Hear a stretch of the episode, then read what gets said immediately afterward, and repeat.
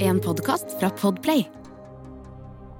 Denne episoden kan være skremmende for enkelte lyttere. Om du er yngre eller sensitiv, bør du lytte til episoden med en voksen du stoler på, eller skru av.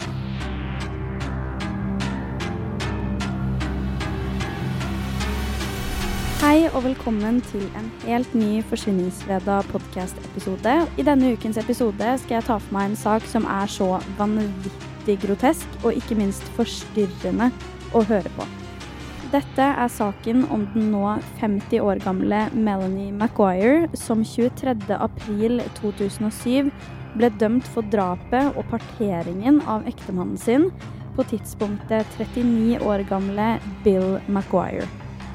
Denne saken er som sagt vanvittig grotesk, så jeg vil definitivt anbefale deg å ta advarselen i begynnelsen av episoden på alvor. La meg ta deg gjennom saken om The Suitcase Murder, eller koffertdrapet. Aller først vil jeg fortelle deg litt om gjerningspersonen.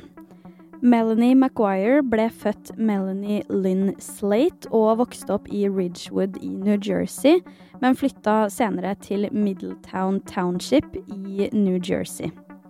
Her gikk hun også på videregående, og etter fullført videregående så søkte hun seg inn på det som het Rutgers University, hvor hun ønsket å ta matte og psykologi. Hun kommer etter hvert inn på studiet og blir uteksaminert i 1994. I 1997 er hun også ferdigutdannet som sykepleier, så det er åpenbart at Melanie har vært opptatt av å utdanne seg hele tiden. Det tar bare to år etter uteksamineringen fra sykepleierstudiet før Melanie gifter seg med Bill Maguire, som egentlig het William T. Bill Maguire.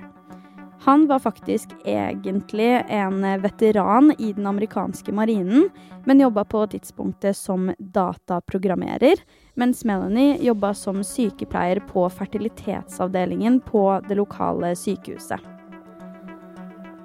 Under bryllupet tar Melanie etternavnet til Bill, så derfor heter hun fra og med nå Melanie Maguire. Sammen ender Melanie og Bill opp med å få to sønner sammen, og slår seg ned i en leilighet i Woodbridge i New Jersey. I april 2004 har Bill og Melanie vært gift i fem år, og begynner da å se på hus i Warren County. Grunnen til at de da ønsket å flytte, var pga. noen tidligere situasjoner med Bill. Han hadde nemlig blitt vanvittig glad i gambling, og tidvis vunnet masse penger på det. I stedet for å legge dette inn i familien, i bolig eller lignende, så hadde han hver gang sløst bort pengene og brukt det på alt annet enn noe fornuftig, og dette var Melanie rett og slett lei av. Hun fant da ut at å kjøpe et hus ville være en god investering, som kanskje ville få Bill til å prioritere det litt mer, da dette var en stor forpliktelse. Melanie selv har faktisk forklart seg om forholdet sitt til Bill i etterkant av denne saken. Hør på dette. In the beginning, it was it was the challenge, it was the chase, it was we we had a bit of a tempestuous relationship even before we we got married. We would break up, get back together. Hun forklarer altså at selv om det kanskje høres ut som at forholdet deres gikk på skinner, så var det egentlig noe litt annet bak fasaden. Hun forklarer bl.a. at de hadde et veldig opp og ned-forhold til og med før de giftet seg, og at de til og med hadde gjort det slutt under flere omstendigheter. Likevel endte de opp sammen, så de har jo åpenbart hatt en eller annen form for kjærlighet for hverandre i denne perioden.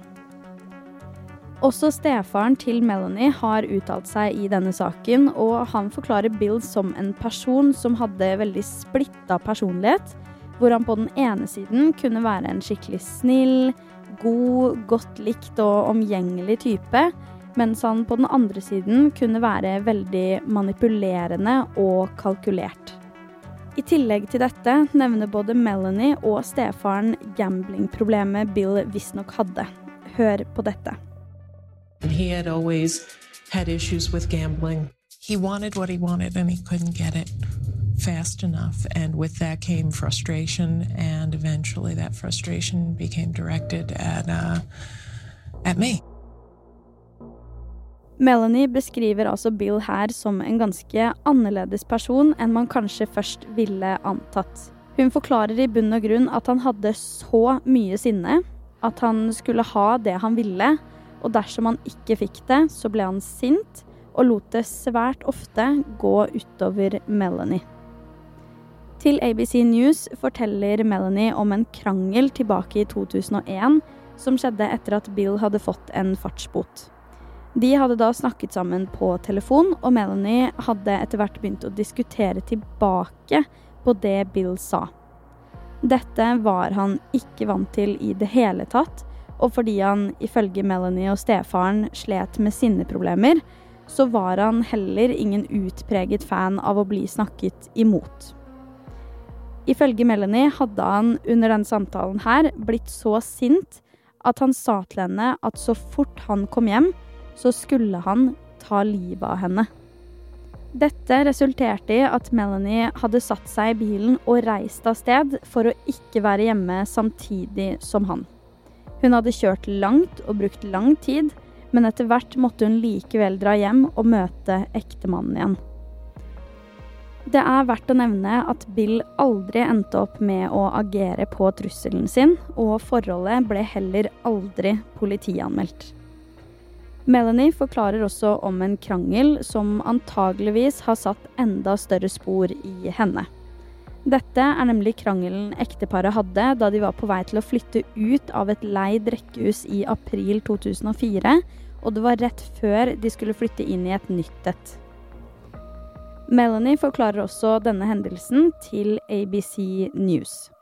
Hun forteller at Bill en dag hadde lagt merke til et tørkepapir som hadde ligget inni ermet på en genser i skittentøyskurven.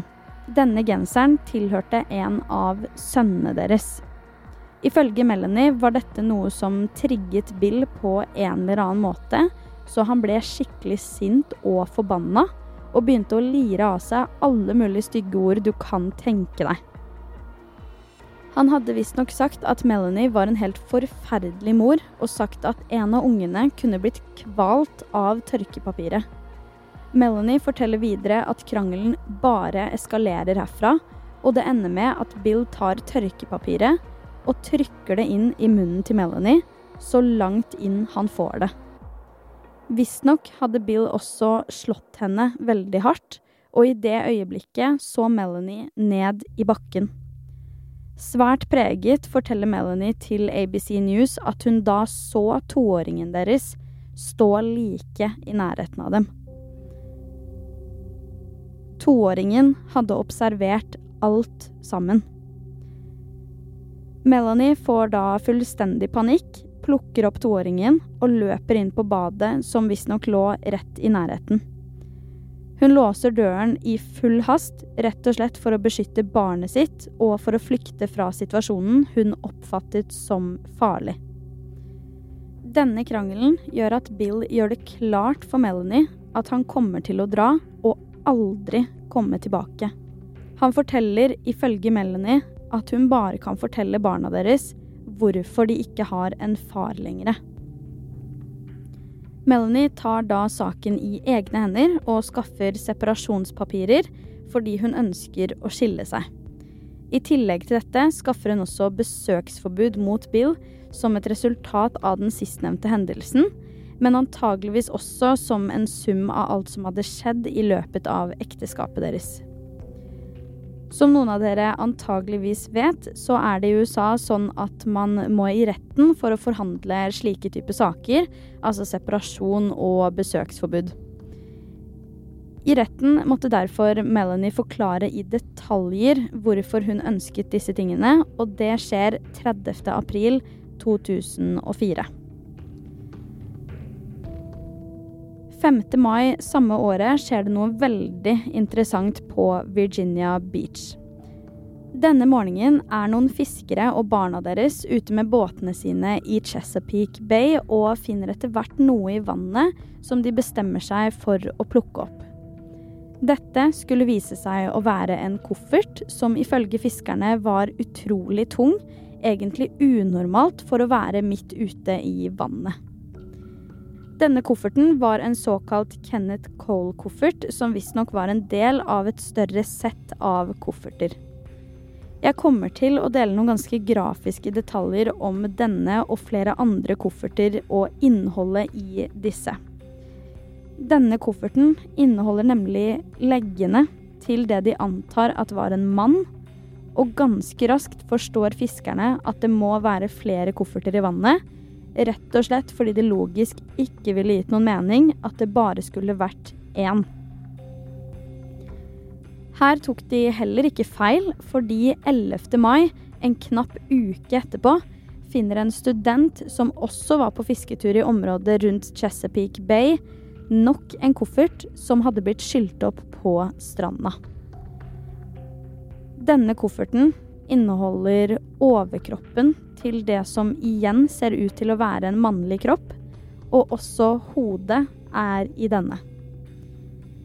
Begge disse observasjonene, men kanskje spesielt den siste, gjør at politiet endelig kan gå tydeligere til verks, gjøre undersøkelser av kroppsdelene og forhåpentligvis identifisere liket. Hovedsakelig ønsket politiet å også forstå hvordan personen var blitt drept, og etter hvert konkluderer de med at personen antageligvis var blitt drept ved å ha blitt skutt, da vedkommende hadde flere skudd i overkroppen, samt ett gjennom hodet. Parallelt med disse undersøkelsene jobbet også politiet med å få laget en tegning av den avdøde mannen, som de kunne gi ut til offentligheten, i håp om å få hjelp av publikum til å identifisere han raskest mulig.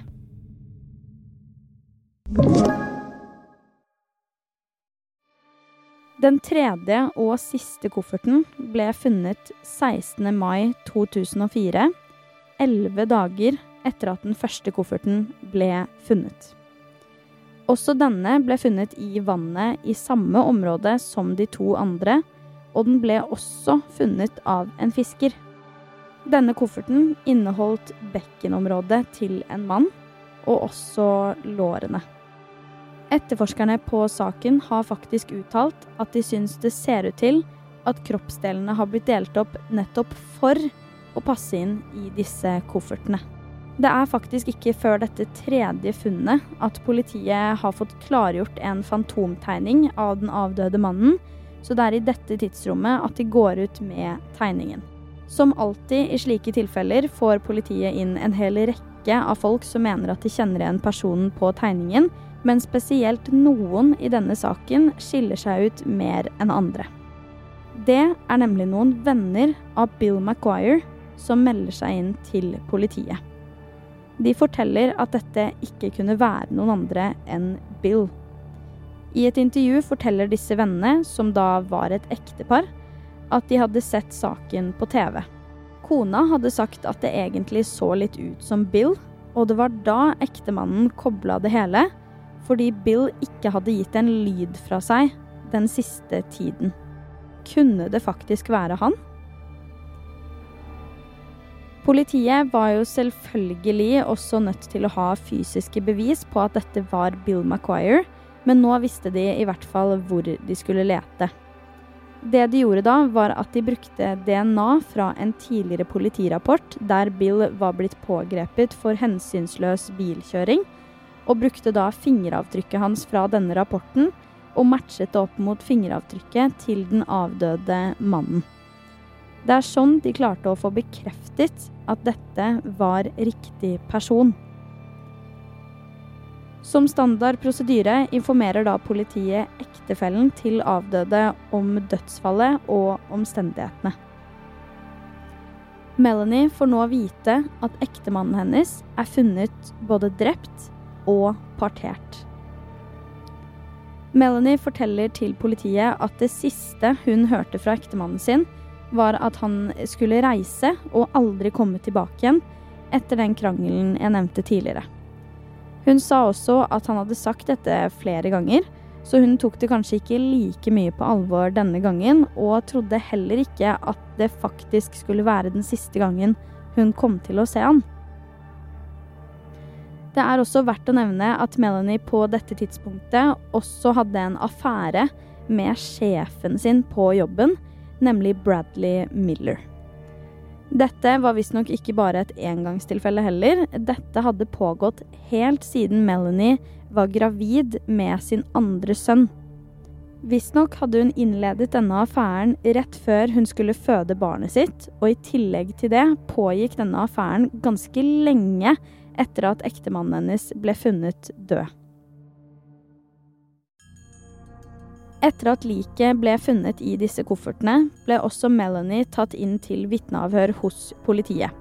Det var det jo egentlig flere grunner til, for hun var jo ektefellen til avdøde, men i tillegg til det så hadde hun heller ikke meldt ektemannen sin savnet, og det syns politiet hørtes merkelig ut. Mannen som avhørte Melanie den dagen, har fortalt at hun egentlig hadde en veldig rar oppførsel i det innledende avhøret. Han forklarte at hun virka veldig nervøs, og sa at hun hadde et trist ansiktsuttrykk, litt som når man gråter, men at det ikke trillet en eneste tåre nedover kinnet hennes nesten som et påtatt skuespill. Det er også etter dette avhøret at politiet får en ransakelsesordre til å kunne gå gjennom rekkehuset de leide på denne tiden, men som Melanie egentlig var på vei til å flytte ut av. Som jeg nevnte tidligere, så skjedde jo den siste krangelen mellom Bill og Melanie i denne perioden, og planen var jo egentlig at de to skulle flytte til et nytt hus sammen. Det politiet finner ut ganske raskt på denne adressen, er at majoriteten av klærne til Bill ligger i svarte søppelsekker. Ved første øyekast så disse nesten identiske ut til de svarte søppelsekkene som ble funnet i koffertene sammen med kroppsdelene. Som både nærmeste pårørende og ektefelle til Bill fikk også Melanie muligheten til å bestemme om Bill skulle kremeres eller begraves i en kiste, og hun valgte da å få han kremert. Noe flere reagerte på her, var at hele seremonien rundt urnenedsettelsen ikke varte i mer enn 15 minutter, og det var sånn Melanie ønsket at det skulle være. Venner og familie av Bill har i ettertid sagt at de ble helt sjokkerte over det, og at han definitivt fortjente bedre. 2.6.2005, over et år etter at liket ble funnet, ble Melanie pågrepet og siktet for drap. Frem til da hadde politiet jobbet iherdig med saken og forsøkt å vende alle steiner. Så å si Alt pekte på Melanie.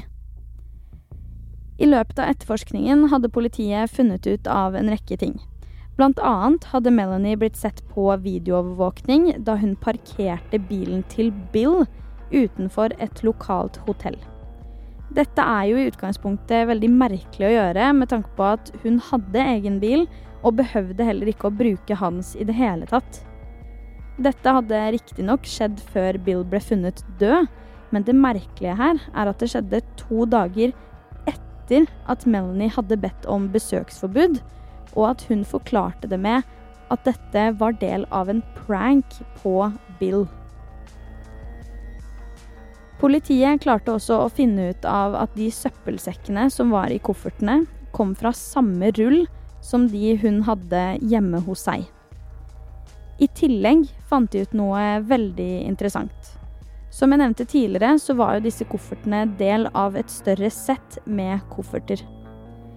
I boden til Melanie fant politiet noen kofferter fra samme sett, og beleilig nok var det sånn at de eneste koffertstørrelsene som manglet for å ha et fullstendig sett, det var koffertstørrelsene som liket ble funnet i. Politiet mistenkte også at Melanie hadde stjålet et legemiddel fra arbeidsplassen sin, og deretter brukt det til å dope ned ektemannen sin før hun skulle ta livet av han.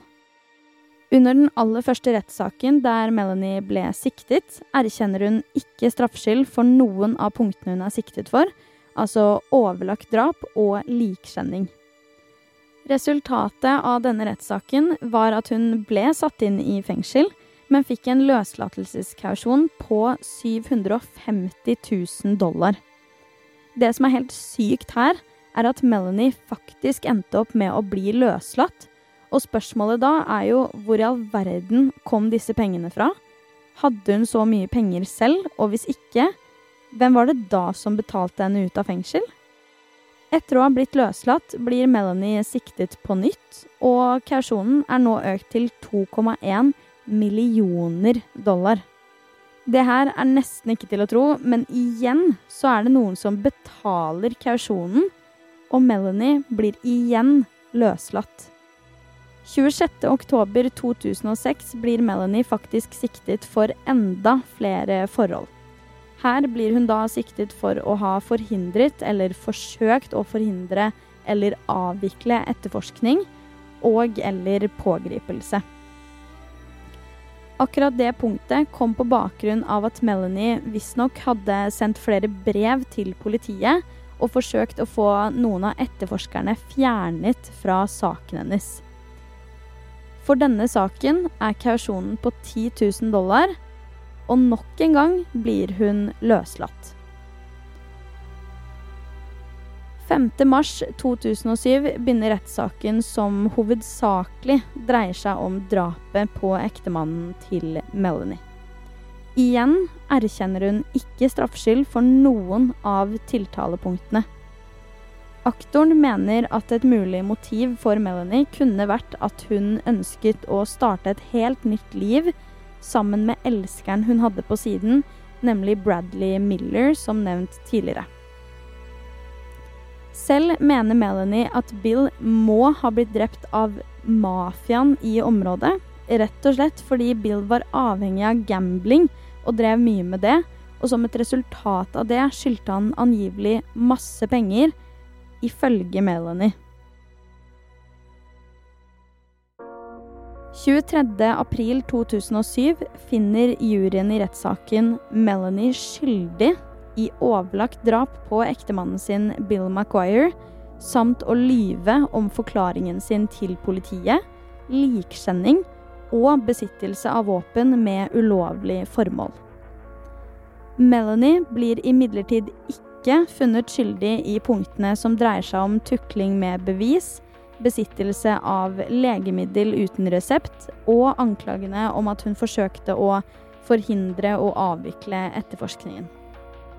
Det er ikke før 19.07.2007, da Melanie er 34 år gammel, at hun blir dømt til livstid i fengsel for de nevnte forholdene. Denne livstidsdommen betyr i praksis at Melanie ikke kan søke om løslatelse før hun har fylt 100 år.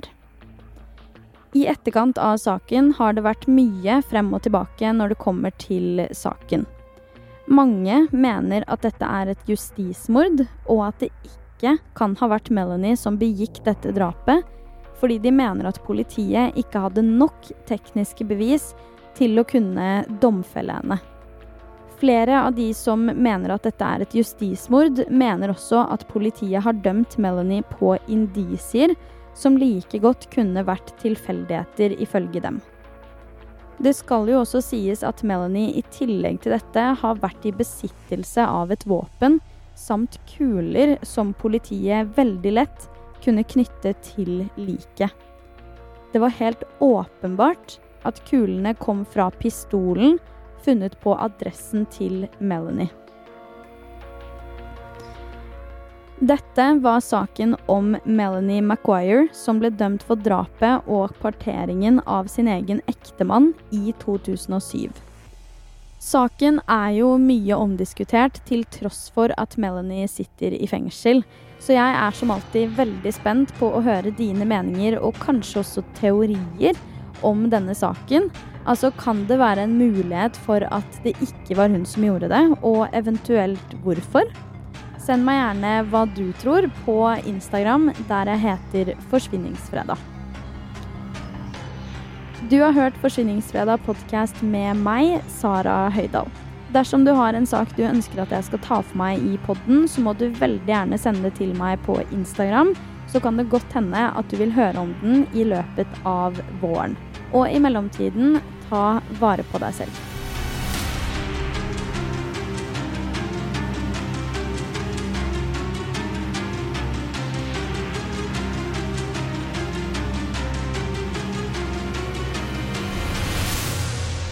Du har hørt en podkast fra Podplay. En enklere måte å høre podkast på. Last ned appen Podplay, eller se podplay.no.